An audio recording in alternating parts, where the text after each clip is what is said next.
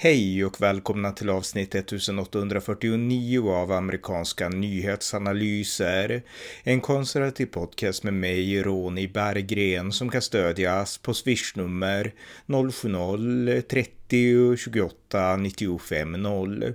Här följer en uppdatering om det senaste i USA tillsammans med min svensk-amerikanske kollega Björn Nordström från Arizona. Varmt välkomna!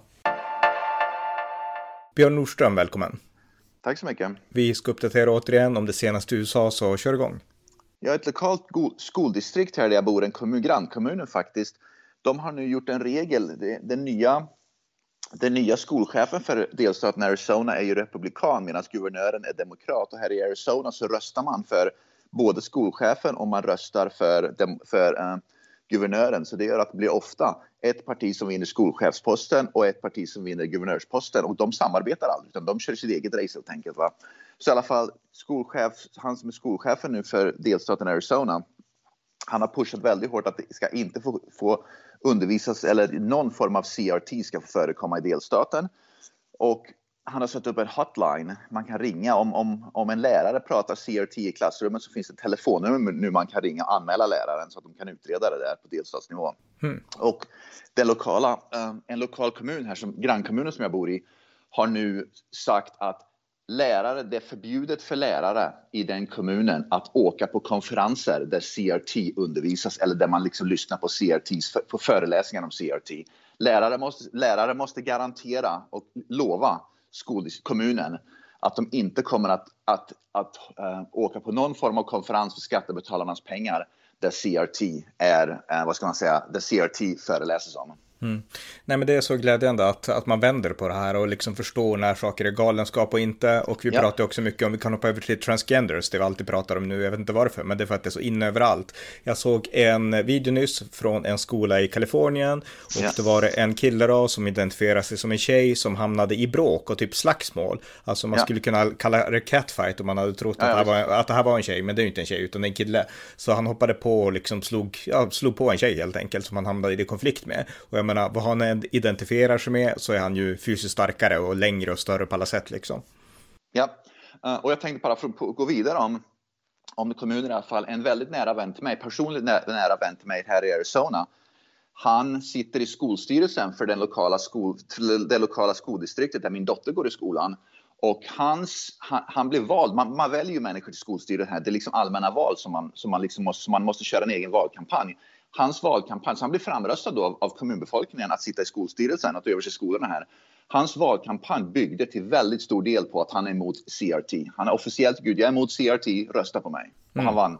Han, han, han, vann mot andra kandidater för att hans stora grej är absolut inte CRT. Och, han, och jag känner honom väldigt väl, vi, vi träffas regelbundet. Och han, han, han, är off, han är ute med att vi kommer aldrig, aldrig, aldrig godkänna. Så länge jag sitter i skolstyrelsen så finns inte en suck att vi kommer att godkänna någon form av CRT på någon nivå i, i skoldistriktet där min dotter går. Mm. Och det är jättebra. Mycket bra. Och på ja, mm. förlåt. Nej, fortsätt, fortsätt. Mm. Ja, och på tal om transgender. Dylan Mulvaney nu ju, har, ju blivit, har gjort sin första intervju i media efter det här Bud Light-skandalen då, allt det där. Och Dylan Mulvaney nu, den här, vi pratat om det här då med transgender och Bud Light och allt vad det nu var. Och Dylan Mulvaney nu har i alla fall fått upp ögonen för att han, hon har blivit utnyttjad av vänsterliberalerna rent politiskt. För hans stora grej var att jag vill inte bli utnyttjad. Intervjun sa rakt ut att jag vill inte bli, jag vill, jag vill bli, vad ska man säga, bemött som Dylan Mulvaney, inte för att jag är en transgender och jag vill inte bli utnyttjad som en transgender. Mm. Och det var precis så. Jag tror att han har fått upp, hon, han har fått upp ögonen nu för att vänsterliberaler har använt Dylan Mulvaney enbart i politiska och ideologiska syften. De skiter ju fullständigt, det är som med Black Lives Matter ungefär, de skiter i svarta fullständigt. De bara utnyttjar den svarta gruppen för, för, för liksom hudfärgen i politiska syften. Och, och det... samma, och samma nu med transgenders och Dylan Mulvaney. Mm, och det här är alltså personen som gjorde reklam på ölflaskorna där för uh, Bud, Bud Light? Mm. Ja, ölburkarna, jajamän. Mm. Och, eh, och på tal om det, den nya grejen i USA nu är vad de kallar för transable. Allt fler personer i USA identifierar sig som, som handikappade för att då får man massa förmåner. Man får bättre parkeringsplatser, man får då, vad ska man säga, förmåner, man kan ta hissen, man får gå in på speciella badrum och så vidare. Va? Så nya stora flugan här i USA nu det är att vara transabled. Med andra ord att man, man anser sig vara identifiera sig som handikappad och då ska man få alla förmåner som handikappade får. Det är fruktansvärt att man, och då vanliga handikappade människor är faktiskt är handikappade, till exempel då människor som då har förlorat en liv och eller förlåt, förlorat en lem här och, och liksom, vad ska man säga, militärsoldater mm. som kommer tillbaka efter krig och tappat och liksom och människor som då är födda då med med handikapp och så vidare. Va? De blir tillbaka pushade. Så det som kommer att ske nu, precis som kvinnor i USA och i Sverige med, precis som biologiska kvinnor i USA, vad ska man säga, blir tillbakapushade av transgenders, då kan jag lova dig att, att snart, det, det, det, är bara en tidsfråga nu innan riktigt, verkliga handikappade människor kommer att liksom få stå tillbaka för transabled. Mm. Ja. För, vänster, för vänsterliberalerna kommer att säga att transabled är mycket viktigare än riktiga, verkliga handikappade. Mm. Alltså, jag minns ju tiden när man, eh, om man var i USA sådär, alltså det, det man såg upp till, alltså de amerikanska idealen. Jag vill vara en cowboy, jag vill vara liksom häftig, jag vill vara superbra på idrott. Alltså man vill ju identifiera sig med det coola i USA, med det liksom hårda yeah. och tuffa machokulturen yeah. liksom. Eh, jag vill yeah. vara affärsman, jag vill vara som Donald Trump, vad som helst liksom. Men eh, liksom, nu blir det tvärtom tvärtom. Liksom, alltså, amerikaner vill identifiera sig som handikappade. Alltså det är helt, ja, det är så upp och ner tycker och kvinnor, jag. precis. Mm. Ja. Och, det, och det är naturligtvis Ryssland och Nordkorea, och Iran och Kina naturligtvis. De ser det där. De ser att oj, amerikanska män, de vill bara bli, de liksom har mesat till sig ordentligt. Så nu finns det en stor möjlighet för oss att, start, att dominera i världen. Därför att amerikaner, USA och amerikanska män har blivit totalmesiga och de har fastnat i en slags quagmire i ett skyttegravskrig som bara handlar om vilket toaletter man ska använda sig av. Så de, de hade liksom inte koll på längre vad som pågår. Så vi kan ta över halva världen nu och, starta, och dominera mot USA därför att amerikanerna bryr sig bara om vilka, liksom, vilka toaletter de ska gå på och, och så vidare. Och så vidare va? Det, det är det de gör nu. Va? Mm. USA har, tot, vänsterliberalerna har totalt tappat, vad ska man säga, de har tappat greppet om vad som pågår runt om i världen och istället bara brå de bråkar om fel saker. Men, men, men alltså, de kommer få väldigt lite utrymme att leva på, de här vänsterliberalerna på sikt. Jag menar, om de har krafterna att ta över, då kommer precis. det bara vara i USA som de kan leva. Jo, precis. Och det är precis det vi pratar om när, när vi ofta nämner att Sverige håller på att islamiseras. Vänsterliberaler och framförallt feminister och allt det där håller på att de omfamnar ju is, is, islamismen och islam i Sverige utan att begripa det här och HBQT omfamnar islamismen och islam utan att begripa att de första som ryker när väl islam tar över, det är ju precis de grupperna. Mm. Ja, eh, något annat? Ja, en federal domare i delstaten Illinois har förbjudit en ny vapenlag i delstaten Illinois. Så delstaten Illinois har ju då försökt att stifta striktare vapenlagar, det är en demokratisk delstat. Men vapenlagarna som de stiftade har blivit förbjudna av en federal domare på grund av att domaren rakt ut sa att när man stiftar lagar får man vara väldigt noga med att inte bryta mot konstitutionen. Och de här, de här nya vapenlagarna som demokratiska då, delstatspolitiker stiftare är, går emot konstitutionen. Så att det finns fortfarande uh, en konstitution, det finns fortfarande domare. Så när man ser de här vad ska man säga, headlines då, som pratar om nya vapenlagar ditten och datten, alltså, vi pratar ju om det, här, det är en, för, det är en förskjutningseffekt. Va? Det tar några månader och sen så kommer det in en federal domare och sätter stopp för, för galenskaper. Mm. Så ja. det är liksom, hoppet finns fortfarande med, med federala domstolssystemet. Till och med i, i, i Illinois. Ja, ja något mer? Exakt. Ja, uh, i North Carolina uh, så vann Republikanerna, vi har pratat om det här det var ett tag som en gerrymandering när man då vill, vad ska man säga, for, vad ska man säga? Göra om valdistrikten. Tack så mycket, precis. Göra om valdistrikten, Republikanerna gjorde om valdistrikt och en, en domstol i, i, North Carolina sa att Republikanernas nya valdistrikt som de har skapat är, är, får godkänt i alla fall. Och rent politiskt sett så kommer det att gynna Republikanerna väldigt mycket nu inom nästa valen, i alla fall i North Carolina. Mm, just det. En, en, annan sak i, i delstaten North Carolina är att eh, så det är ganska intressant. Eh, North Carolina då har, jag tror de har en demokratisk eh, guvernör, men de har republikaner som styr i kongressen och, och senaten. Uh, så ytterligare en grej som de har gjort i North Carolina nu är att, att um, i delstaten är att stiftat en lag om att man måste visa, uh, vad heter det, ID med foto, foto-ID för att få rösta. För att få, ja, för att få gå och rösta mm. presidentval, allt vad det är. Och det, det är det här som visar rasismen hos Demokraterna och vänsterliberalerna. Demokraterna och vänsterliberalerna sa rakt ut att svarta minoriteter kan inte hantera ett foto-ID. Därför, är det, därför, därför borde vi inte få ha, ha det i North Carolina helt enkelt. Och min tanke är att, vänta nu, som du är svart eller om du är latinamerikan eller om du är ja, asiat, men kan inte du då hantera att visa upp ett foto-ID ID när du röstar? Därför att på något sätt är det bara vita som kan klara av att göra det. Va? Det är oerhört rasistiskt egentligen att säga det om, om minoriteter. De minoriteter kan inte hantera ett val om man måste visa foto-ID. Hur rasist är inte det att säga? Men, men det är den rasismen som jag är så himla trött på. Och det är det som liksom vänsterliberaler och media naturligtvis, och det är de tutar och kör på hela tiden. Mm. Istället för att, klart att svarta kan hantera rösta med foto-ID.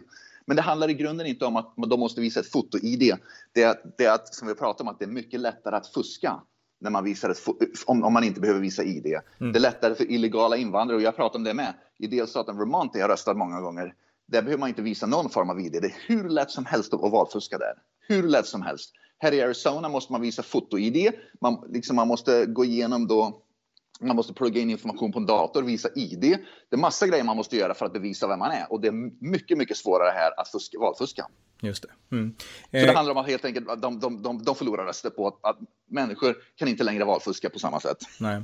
Jag läser också om att det har uppstått en konflikt, en politisk konflikt mellan USA och Mexiko och det gäller fentanylkrisen, den här drogen ah, som ja. flödar in i USA över Mexikos gräns. Och konflikten handlar om vad som är upphovet till, den här, till de här drogerna då. Och USA menar att det är de mexikanska drogkartellerna som liksom svämmar in i USA med de här drogerna och eh, Mexikos president och Mexikos regering anser att det här kommer från Asien, det är inte vårat ja. fel. Så att det har uppstått en konflikt vem som felet så är. Och USA, där, så i USA så diskuterar man om man ska gå in till och med Mexiko och angripa kartellerna och Mexiko säger att det får ni inte göra, det är helt fel. Och eh, det är republikanerna som driver på det då. Och Biden han försöker på något sätt ja, hålla någon mellanlinje. Men hela grunden i den här konflikten, det beror ju på att USA har inte säkrat gränsen mot Mexiko, skulle jag säga. Ja, precis. Vi vet ju att, att det är Kina som, som tillverkar de här med, och då Kina samarbetar ju nu naturligtvis med drogkartellerna, va? men att Kina pumpar ju in då de här fetanylen då i Mexiko för att sen då ska, ska vidare i USA. Det är ett sätt för, för Kina att inte bara, och drogkartellen inte bara sälja droger, men det är också ett sätt för Kina för att ju fler människor i USA som liksom blir beroende av fentanyl, va, desto färre personer är i USA som kan liksom, ja, leva ett normalt liv här. Va? Så det, det är ett sätt för Kina att helt enkelt försöka ställa till elände i USA. Va? Och vi, så det, det vi pratade förut om i podden, och uh, som du nämner, det grundproblemet är ju Mexikogränsen. Va? Jag såg att en Eh, Dan Crenshaw, han är ju då en uh, han är republikansk kongressman från delstaten Texas. Han röstade nej på en helt ny gränssäkerhetsmotion igår. För han, han ansåg att den inte går tillräckligt långt. Men poängen är i alla fall att republikanerna nu har börjat lämna in motioner då i, i kongressen för att stärka gränsen vid Mexiko. Mm. Så att republikanerna försöker göra någonting åt problemet, va? men naturligtvis demokraterna kommer ju inte, har ju noll intresse att, göra, att, att försöka lösa något problem vid gränsen. Mm. Biden tror jag i grunden förstår problemet, men han har inte tillräckligt många, vad ska man säga, vänstersidan och tillräckligt många vänsterliberaler är inte med honom i kongressen helt enkelt för att liksom göra det han vill. Han kanske får John Manchin med sig och några, några få här och där, men, men majoriteten demokrater, de, de vill inte ha någon form av gränssäkerhet. Och den här, uh, det är ytterligare en, en sån här, vad heter det, en, eh, en, en lag då, eller regel då som stiftades under Donald Trump nu, när Trump var president, som, kom, som kommer att försvinna väl, inom kort. Ja, det är den här uh, covid-grejen. Försvinner nu om några dagar. Hmm. Uh, som då gör att man kunde få, man, man kunde, vad ska man säga? Ja, title, title 22. 42. Okay. 42, mm. ja, 42. Den försvinner ju alldeles bara om några dagar. Och, och Joe Biden har officiellt gått ut och sagt för bara någon dag sedan, ett par dagar sedan, att när Title 42 försvinner betyder inte det att det kommer att vara öppna gränser, men för att han vill sända den signalen till Latinamerika. Men å andra sidan så han sänder ju inga signaler som, som säger att gränserna kommer att vara, liksom stängas eller det var hård, hård gränsbevakning. Va? Mm. Så han säger en sak, men, men uh, alla vet om i Latinamerika att när väl den försvinner, då är det öppna gränser oavsett vad Biden säger. Mm. Mm. Ja, något mer? Ja, Demokraterna, och det här visar hur fullständigt galna de är uppe i, i, i delstaten Oregon. Så i Oregon har ju ett stort problem nu med uteliggare och så vidare. Så det är inte bara att människor är uteliggare utan människor då som är uteliggare bokstavligen går in hos privata hem och börjar slå upp tält på privatas hems då, deras tomter, deras liksom, baksidor och så vidare. Va? Så är man uteliggare i, i Oregon så, kan man, så går man in då liksom på en tomt och bara slår upp sitt, sitt uteliggarläger. Va? Mm. Nu i alla fall vill Demokraterna i Oregon förbjuda för ägaren av huset och ägaren av tomten att kunna kasta ut dem. Som ägaren försöker kasta ut uteliggaren som bokstavligen slagit upp ett tält och, och är uteliggare på, på liksom min bakgård då, som jag äger. Uh, Demokraterna vill att personen då som är uteliggare ska kunna stämma husägaren och kunna vinna då i domstol för att, för att man ska få bo kvar. Som andra ord att man, man går in och tar över hemmet ungefär. Ja. Och göra det lagligt. Och det här, vill alltså, det här är Demokraterna alltså för? Det är Demokraterna i Oregon som driver den där nu. Att, ja. att, det ska bli, att, att, de, att man ska kunna stämma då. Ja. Så att jag, ska, jag kan bokstavligen gå in på en tomt och, och slå upp ett läger och börja bosätta mig där. Och då, ska, då vill Demokraterna att jag då, som då där, egentligen illegalt, va, inte bara ska få bo där hur länge jag vill, utan även då kunna stämma tomtägaren om tomtägaren försöker ringa polisen. Mm. Ja, det bör skicka dem till närmaste demokrat, deras bakgård.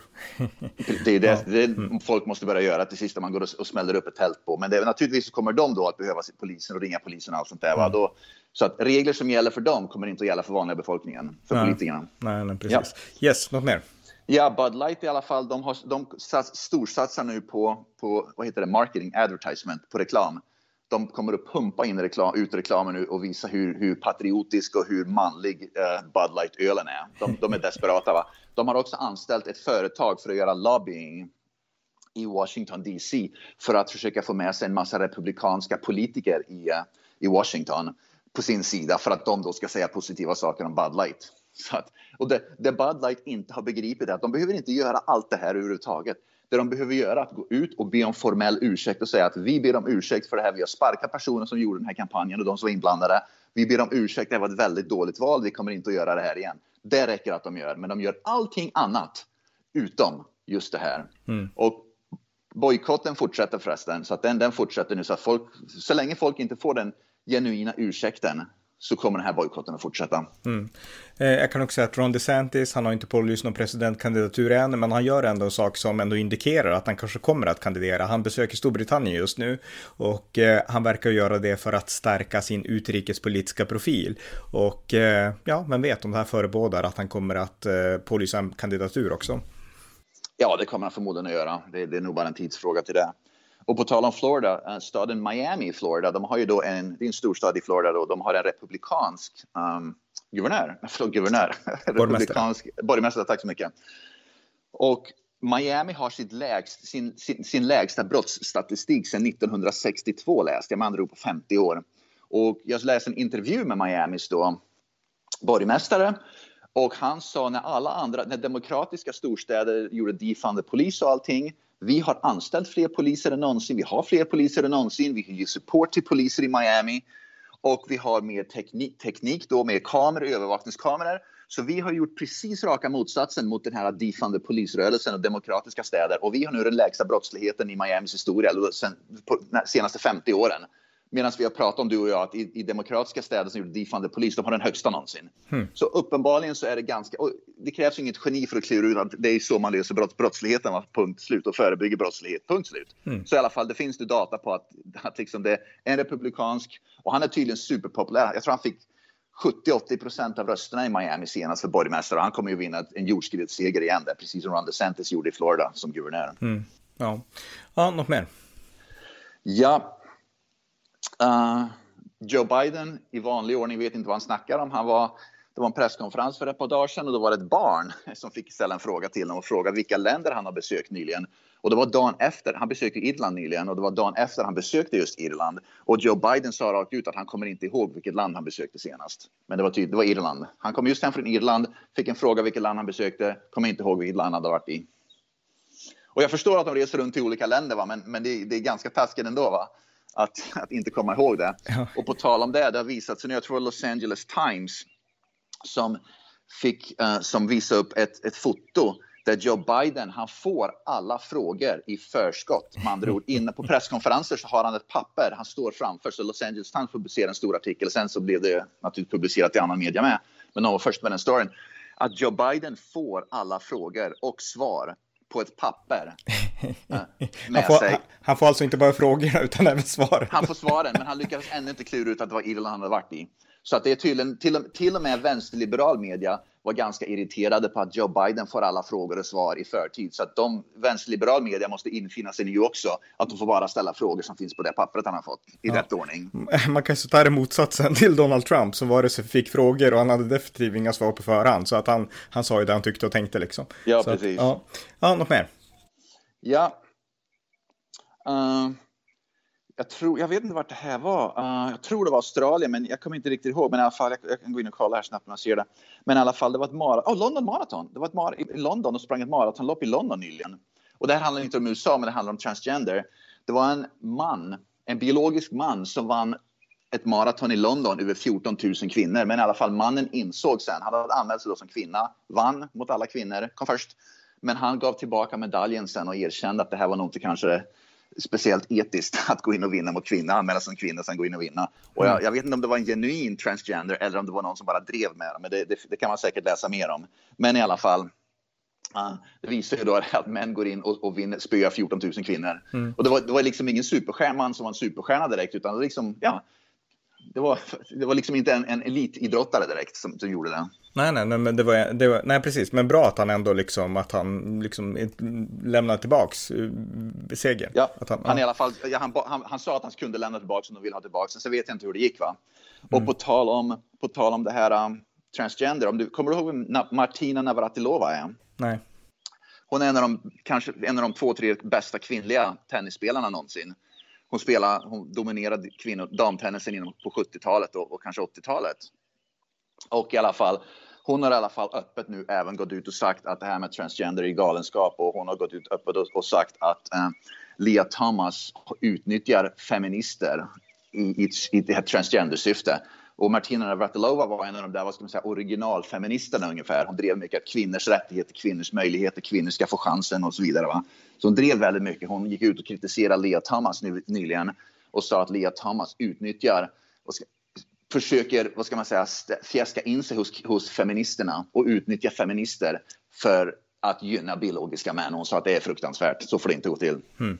Eh, en sak till också, det är att du minns ju den här skol, skolskjutningen i, i Tennessee var det väl, den här på Covenant School, Audrey Hale som sköt eh, i Nashville. Hon, eller hen, eller vad man ska säga, skrev ut manifest i alla fall. Och ja. nu kommer polisen att släppa offentliggöra det här manifestet till slut. Ja, ja. Jag vet inte om det görs idag, eller, men det, det kommer offentliggöras, verkar det som. Ja, det stämmer. Mm. Och det manifestet är ganska, jag har inte läst det, men jag har läst liksom vad det media har sagt om det, men det, det, det är en ganska otäck läsning. Mm. Mm. Ja, något mer? Ja, delstaten Minnesota som också är vänsterliberal, det här visar ju återigen Demokraterna, de, de, de satsar på fel saker och de är totalt galna. Uh, I delstaten Minnesota så vill vänsterdemokraterna där ska stifta en lag att om människor um, på tal om covid och Kina, att om, no, om personer i delstaten Minnesota hävdar att, ja, till exempel sociala medier, du går ut i sociala medier och skriver att, att covid startade i Kina, då vill Demokraterna stifta en lag som gör att du blir registrerad hos myndigheterna som en åsikts, som åsiktsfientlig. Med andra ord att de vill ha ett register hos myndigheterna där de kan registrera människor som har gått ut och sagt att och ty, anser och tycker att, med andra ord att det, det, går ju rakt emot yttrandefriheten. Det är skrämmande. Var, var det inte det som, som, det är liksom det som totalitära stater håller ja. på med. Mm. Verkligen, verkligen. Ja, ja något mer? Ja. Um, får se. Ja, just ja, också i delstaten Minnesota. Det här är ju skrämmande. Alltså, uh, politikerna, demokraterna där vill också uh, stifta en lag. Jag hoppas det inte går igenom. Men i alla fall att um, i delstaten Minnesota så finns det en människa, i deras, vad ska man säga, stadgar, vad ska man säga, lagar, stadgar, uh, där Human Rights Acts, vad heter det, mänskliga rättigheters mm. acts i alla fall, mm. så har man skrivit in att pedofili är förbjudet. Med andra ord att liksom, hålla på med pedofili är förkastligt och förbjudet i delstaten Minnesota. Men nu finns det flera demokrater i delstaten som vill ta bort den delen och som andra ord, man vill ta bort att inom mänskliga rättigheter så ska i delstaten Minnesota pedofili godkännas. Hmm. Ja, ja. Och det, det, är skrämmande alltså vad, vad, vad demokrater håller på med. Mm. Ja, alltså, helt otroligt. Ja, nej, men de är helt inne i någon slags värderelativistisk bubbla. Jag hörde, alltså bara på tal, det är ett sidospår men jag hörde Jimmy Åkesson tala på Sveriges Radio idag, eller han intervjuades där, och då fick han en fråga om Sverigedemokraternas kritik mot transgenders, att transgenders då ska uppträda inför barn och sådär. Och då undrade radioprataren vad är det för fel på det ungefär? Så jag menar, det finns ju liksom, vi har hamnat i ett tillstånd av relativism, där allt ska betraktas utifrån de här subgruppernas liksom rättigheter, så kallade rättigheter och allt ja. annat, även barn ska på något sätt underordnas det liksom. Och det här du berättar om pedofili, liksom, alltså ingen jämförelse där, men, men liksom det är den här relativiseringen av allt, där allting ska underordnas de här äh, speciella människorna, speciella behovspersonernas rättigheter, allting annat, även barns liksom, ja, rättigheter om man säger så. Ja, precis. Och, och jag läste någonstans, minns inte vem det var, uh, men det, var någon, det, var, det var någon hyfsat känd person här i USA i alla fall, kommer inte ihåg vem det var just nu. Men i alla fall det här med att drag queens var, liksom håller på. De, de drag queens som läser böcker, de, de på något sätt är liksom fixerade och, att, att läsa böcker inför barn. Och mm. min, det, är liksom min känsla, och det har jag också läst om att allt fler börjar tycka, och även mer kända personer här i USA, är att vissa av de här trans och, och, och, och vad ska man säga, dragqueens-rörelsen attraherar just pedofiler. Med andra pedofiler som pedofiler har liksom, de, det, är en grupp som då man inte accepterar. Men mm. om de pedofilerna istället blir en trans eller om de blir en dragqueen, då är det mycket mer accepterat. Och det är det som gör att de attraherar just de där pedofilerna för att sen kunna få tillgång till barn och det är så jäkla otäckt. Just det, intressant. Det här visste jag inte, men det var ju okej. Okay. Så det blir som en taktik, en, liksom en, ett, ett svepskäl som pedofiler kan använda för att bli, alltså bli legitimerade och bekräftade och liksom undercover lite Precis, mm. precis. Och då får de stöd av, av media, vänsterliberala medier, de får stöd av demokrater och vänsterliberaler. Så det blir accepterat sätt att utöva sin pedofili. Och vänsterliberaler som i grunden och kanske demokrater som i grunden är emot pedofili begriper inte att det är det här som pågår bakom, vad ska man säga, i, liksom i smyg lite grann. De begriper inte det där, utan de tror att allt är frid och fröjd. Mm, just det, mycket intressant. Ja, något mer? Ja, ölen Ultra. Det finns en, ett ölmärke som heter Ultra Light. Uh, de har i alla fall, de storsatsar nu på en kampanj där de, um, där de, uh, vad ska man säga, deras nya kampanj då, det är efter här Bud Light-skandalen då. Så Ultra Light storsatsar nu på en kampanj för att visa upp att öl, det är en konservativ, det är en patriotisk öl. öl. Så det var ju som vi pratade om förut, det, det, det är bara en tidsfråga innan andra ölmärken börjar liksom storsatsa nu på den gamla goda reklamen och mycket riktigt sker det så. Va? Och ja. uh, amerikaner nu börjar dricka Ultra Light istället. Så de har liksom, okay. fri, de, man försöker liksom, och nu så är liksom nu liksom bojkotta Ultra, äh, förlåt, bojkotta Bud Light och drick Ultra Light istället. Det är det liksom snacket där nu. På tal om det, alltså, har, du, har du vänner och sådär också som tydligt är nu ska, nu ska jag börja dricka ett annat ölmärke? Ja, men självklart, ja, absolut. Mm. Jag menar, okay. Arizona, i Vermont så tror jag inte man törs säga det, kanske, men här i Arizona så är väldigt många konservativa och republikaner, så det är klart man har det. Men jag, jag snackar jag nämnde ju för ett tag sedan, nyligen i podden för några minuter sedan, mm. min kompis då som sitter i skolstyrelsen, han är ja. en av dem. Ah, ja, han okay. dricker inte, han, han, han spolar helt Bud Light och, och så är det inget snack om det. Va? Ja, men det, det, jag, jag, frågar bara för det är så kul att få det här från verkligheten, liksom att det här är inte bara teorier utan amerikaner reagerar verkligen. Det är det jag tycker är skönt att höra liksom i, här i Sverige. Så att det, det är ja, därför jag frågar. Ja, något mer? Jag, jag, jag, mm. själv dricker inte öl så att jag har ingen, jag kan inte bojkotta någonting för att jag dricker inte öl och ogillar öl. Ja, ja. ja något mer? Ja, ett, och det här visar också skol, det i skoldistrikt i delstaten Michigan. Michigan är ju, är ju mer demokratiskt än republikanskt. Så det, men i alla fall, en skola i Michigan, och det här är en stämning som kommer att ske nu. Uh, de tillåter politisk uh, elever att bära tröjor om den, med politik på den. Så man kan bära tröja i en skola i Michigan där det till exempel står jag stödjer Joe Biden eller jag stödjer Black Lives Matter eller jag stödjer transgenderrörelsen. Det var ett par elever i den skolan som hade på sig en tröja där det står Let's go Brandon, med andra ord, du vet den här mm. Let's go Brandon-slogan. Mm. Och de blev, de blev, de blev uh, tvingade av skolan att helt enkelt ta av sig tröjorna och sätta på sig andra tröjor. Men i alla fall, de eleverna har nu stämt skolan för att det bryter mot yttrandefriheten och att skolan helt enkelt tillåter politisk reklam om det bara är vänsterliberal. Och jag är 99% säker på att de eleverna kommer att vinna stämningen mot skolan därför att det bryter mot yttrandefriheten och då att det är också hyckleriet som pågår i det att så länge du stödjer Joe Biden då får du ha liksom, tröjor på dig med stöd för Joe Biden. Mm. Så att, mm. det, det, är bra, det är det som är så bra här i USA att när det sker sådana saker så elever och föräldrar tar omedelbar handling och liksom och går till domstol för att det här, de accepterar inte sånt där. Man liksom bara knyter inte näven i, i byxan utan byxfickan utan man, man, man går till domstol och lämnar in en stämning mot skolan. Mm. Eh, en annan sak är att delstaten Idaho, de kommer att tillåta avrättningar, dödsstraff med arkebusering, alltså att man blir skjuten och det blir då en femte delstaten i ordningen som tillåter det. De andra är Mississippi, Oklahoma, Utah och South Carolina och det här använder man då som alternativ till de här injektionerna och det har fått en del kritik det här med arkebusering. Jag personligen skulle säga att utan att liksom vara superkunnig så verkar ju ändå arkebusering gå snabbare än, än eh, de här injektionerna som jag tycker verkar jätteotäcka. Men jag vet inte. Ja, jag, jag är inte speciellt insatt i det där heller faktiskt. Nej. Nej. Ja, eh, något mer? Jajamän. Uh, vad heter det? Smink, ett sminkföretag, stort sminkföretag här i USA som heter, jag tror den heter Maybelline.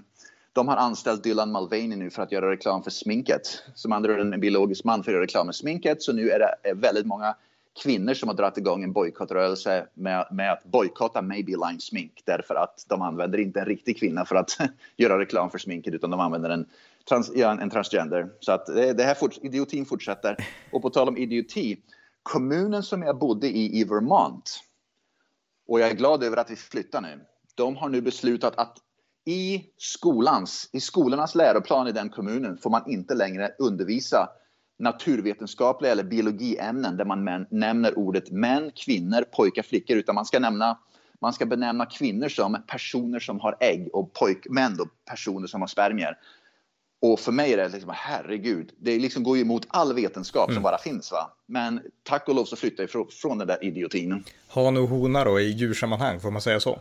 Det vet jag inte, det, här, det vet jag förmodligen inte längre kanske, men jag, jag vet faktiskt inte. Men Vermont har totalt spårat ur. Och om man får säga så om djur, innebär det att människan inte är ett djur? Det kan man också fråga i så fall. Ja, ja precis. Ja. Ja, menar, logiska frågor ja. framkommer ju. Va? Ja. Men i alla fall, jag, jag, jag, är så glad att vi inte längre bor i Vermont. Mm. Och, jag, och, min dotter är samma sak. Jag vill inte bo i den där galenskapen längre. Hon är jätteglad över att här i hennes skola i Arizona här så Uh, så sker inget av det där. Nej, nej men uh, jätteintressant att höra om de skillnaderna, verkligen. Har du något ja. mer? Ja, ett par saker till. Um, i South Dakota som då har en republikansk guvernör. De har den lägsta arbetslösheten i USAs historia. Jag tror 1,5 procent, under 2 procent. South Dakota med republikansk guvernör. Vad heter det? Kirsten Noem. Ja. Mm, ja. Mm. Uh, hon är jättebra. De har den mm. lägsta arbetslösheten i amerikansk historia någonsin. För en delstat nu i alla fall. Så att uppenbarligen där, där republikaner är, uh, är guvernörer så går det väldigt, väldigt bra. Mm. Och i Arizona här, så, här, så har det väldigt länge varit en väldigt, väldigt låg arbetslöshet. Det är, är, en, det är ju en, en demokratisk guvernör nu, men de senaste åtta åren var det en republikansk guvernör. Mm. Så republikanska delstater går väldigt, väldigt bra. Ja, och eh, vi kan börja säga det på tal om det, alltså republikanska guvernörer, nu har jag inte listan för mig, men det är ju så här att i USA när man pratar om amerikansk politik så pratar man nästan bara om delstat, eller om den nationella politiken. Ja. Men i liksom på mer regional nivå i delstaterna så styr republikanerna väldigt många delstatsförsamlingar ja. och. Eh, jag tror också att de har, det kanske är hyfsat jämnt, men de har ändå fler republikanska guvernörer än det finns demokrater. Så jag menar, republikanerna är ju verkligen gräsrotspartiet, förutom i de här superliberala delstaterna på ja. kusterna kanske. Och det är det som jag tycker framkommer alldeles för sällan i Sverige. Utan här pratar man som om att det vore jämlikt, att demokraterna och republikanerna är lika stora, att det finns lika många med demokratiska värderingar som är republikanska. Och eh, utan tvekan om man liksom slår ut Kalifornien och New York på hela USA, då blir det väl så. Men liksom hjärtat i USA, alltså den här stora geografiska ytan, där är de flesta republikaner och det märks eh, på delstatspolitiken. Ja, tittar man på de här kartorna efter, efter valen. Um, det finns ju då kartor, så även om då Joe Biden vann senaste presidentvalet, tittar man på den här kartan hur valdistrikten ser ut, vad ska man säga, det, inte hur rösterna hamnade, därför att de flesta rösterna hamnar ju då, kommer ju då från Kalifornien och New York och så vidare, de får ju väldigt mycket röster där. Men tittar man då på hur rösterna är fördelade rent geografiskt så är ju då 95 procent av USA rött, vilket är röda färgen representerar republikanerna. Va? Så tittar man på, på, på, på hur det geografiskt röstarna liksom, på distrikten då, hur det ser ut, då, då är det bara rött överallt. Det är bara mm. vid Atlantkusten och, och, och vad heter det, uh, Pacific Ocean, vad heter det på svenska? Stilla havet-kusten, mm. där det är blått. Men allt annat är rött va, i hela USA. Va? Så att då, då, förstår man ju att gräsrotsnivån i USA är i grunden totalt republikansk. Det är bara storstäderna vid kusten som är demokratiska och, även, och då Illinois typ och New Mexico. Det är mm. allt. Mm. Ja, precis. Något mer? Ja, Joe Biden har ju kommit på en alldeles totalt galen idé. Och han anser att det är, liksom, det är bra för människor som, har, som är oansvariga med pengar. Va? Så han, ska, han vill försöka göra om kreditsystemet nu här i USA när man tar bolån. Så här i USA fungerar det i alla fall så att när man tar ett bolån, om man har bra kredit och om man har haft ordning på sin personliga ekonomi under många år, då får man lägre ränta. Därför att då anser banken att man är då ett säkrare kort att ge ut ett bolån till.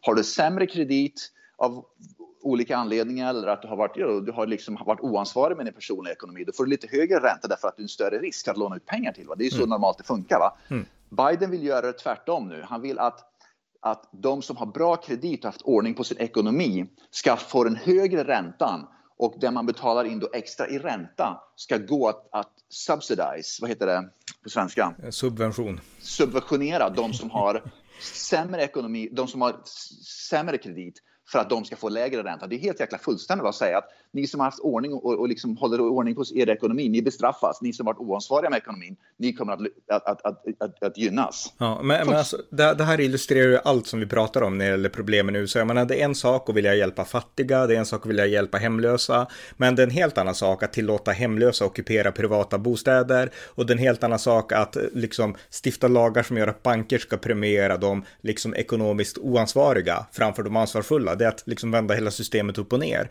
Så jag menar, här blandar man verkligen ihop att hjälpa svaga och utsatta med att liksom hålla samhället stabilt. Alltså det, är helt, det blir helt upp och nervänt. Ja, precis. Och det finns demokrater i vissa delstater nu, naturligtvis vänsterliberala delstater. De vill ju också nu, och de snackar ju där, det är väl inga lagar de försöker stifta än, men det är bara en tidsfråga innan det kommer. Va?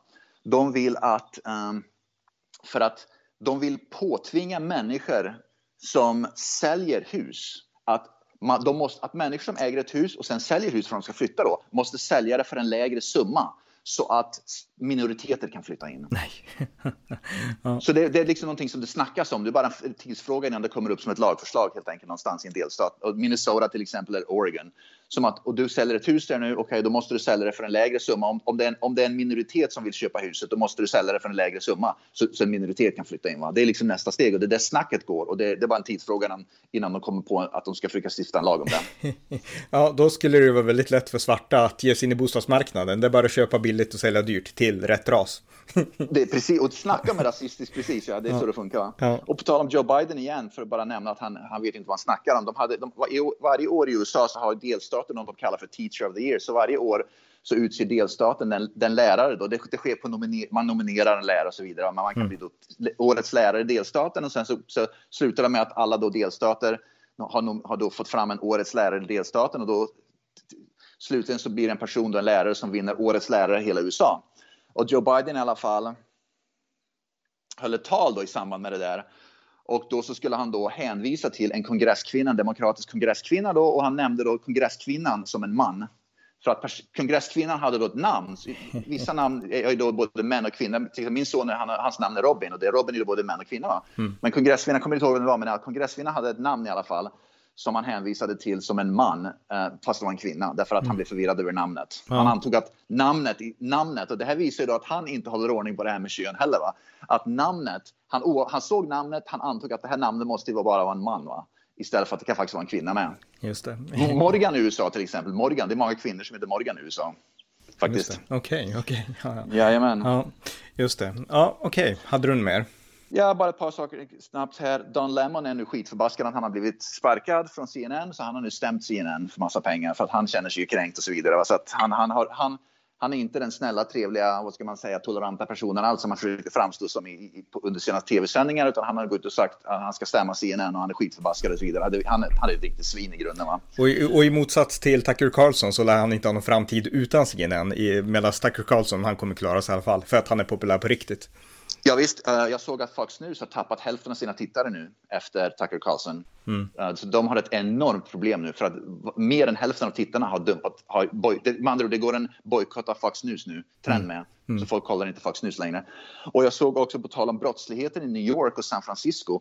Allt fler affärer. Är, vi pratar ju också om att det sker så mycket, framförallt varustölder i, i affärer i New York och San Francisco. Poliserna bryr sig inte om det där och politikerna säger att om du går och stjäl varor i liksom stöld ska inte längre vara ett brott, speciellt inte om du är en svart person. Så affärer som antingen lägger affärer ner, de kan inte längre ha sina affärer så de lägger ner affären, eller nu så låser de in allt, alla varor Normalt i USA så är det bara tobaksvaror som man låser in bakom, vad ska man säga, liksom montrar då, eller vad det heter. Mm. Men i alla fall, nu börjar man låsa in precis alla varor. Så när man går in i en affär till, i New York och San Francisco, det är allt fler affärer, mataffärer, där helt enkelt, där du kan inte plocka matvarorna själv. Du får liksom bara gå upp och peka på vilka varor du ska ha. Och sen så tar då en, en, en anställd varan och sen så skannar de in den då för att de ska ja, skanna in den och ska betala för den och så vidare. Va? Mm. Så att det, det, det, är ett oerhört inlåst samhälle. Uh, och som håller på att ske i de här mm. vänsterliberala delstaterna nu på grund av att de tillåter brottsligheten. Mm. En tragisk utveckling, verkligen. Ja. Mm. Ja, hade du mer? Um, uh, den sista grejen som jag hörde, den absolut sista, det är att Bill Maher, vi pratar ju ofta om Bill Maher, uh, han är då vänster, klassisk liberal, inte vänster, klassisk liberal. Han har gett nu i alla fall, och han är relevant och viktig för att han har en väldigt stor, han har en stor grupp åhörare. Han liksom, hans röst hörs väldigt mycket här i USA. Um, han i alla fall har gått ut och, och stenhårt kritiserat Chicago. Från, och det här har vi ju pratat om det förut, att Chicago tillåter svarta att döda svarta. Vi pratar med det ofta att, att, liksom att Black Lives Matter skiter i att svarta dödar svarta i svarta getton över droger. Och det är liksom verklighet. Det är 99 procent av svarta personer som, som, som mördas i USA mördas av andra svarta över droger. Det är liksom tyvärr mm. så det fungerar. Mm. Och det skiter vänsterliberalerna i och det skiter Black Lives Matter i. Men Bill Maher har i alla fall gått ut och kritiserat Chicago nu för att de, för att Chicago då helt vänder ryggen till att svarta mördar svarta i Chicago. Så att det är jättebra att han äntligen tar upp det och det är någonting som du och jag nämnt i poddar flera gånger. Mm. Att, att liksom det, det, är liksom politiskt inkorrekt att prata om, men det är där verkligheten är. Ja, ja verkligen. Ja, perfekt, men tack så mycket Björn. Ja, tack så mycket. Tack för att ni har lyssnat på amerikanska nyhetsanalyser. En podcast som kan stödjas på swishnummer 070-30 90 28 95 0 eller via hemsidan på Paypal, Patreon eller bankkonto. Skänk också gärna en slant till valfri Ukraina-insamling. Allt gott tills nästa gång.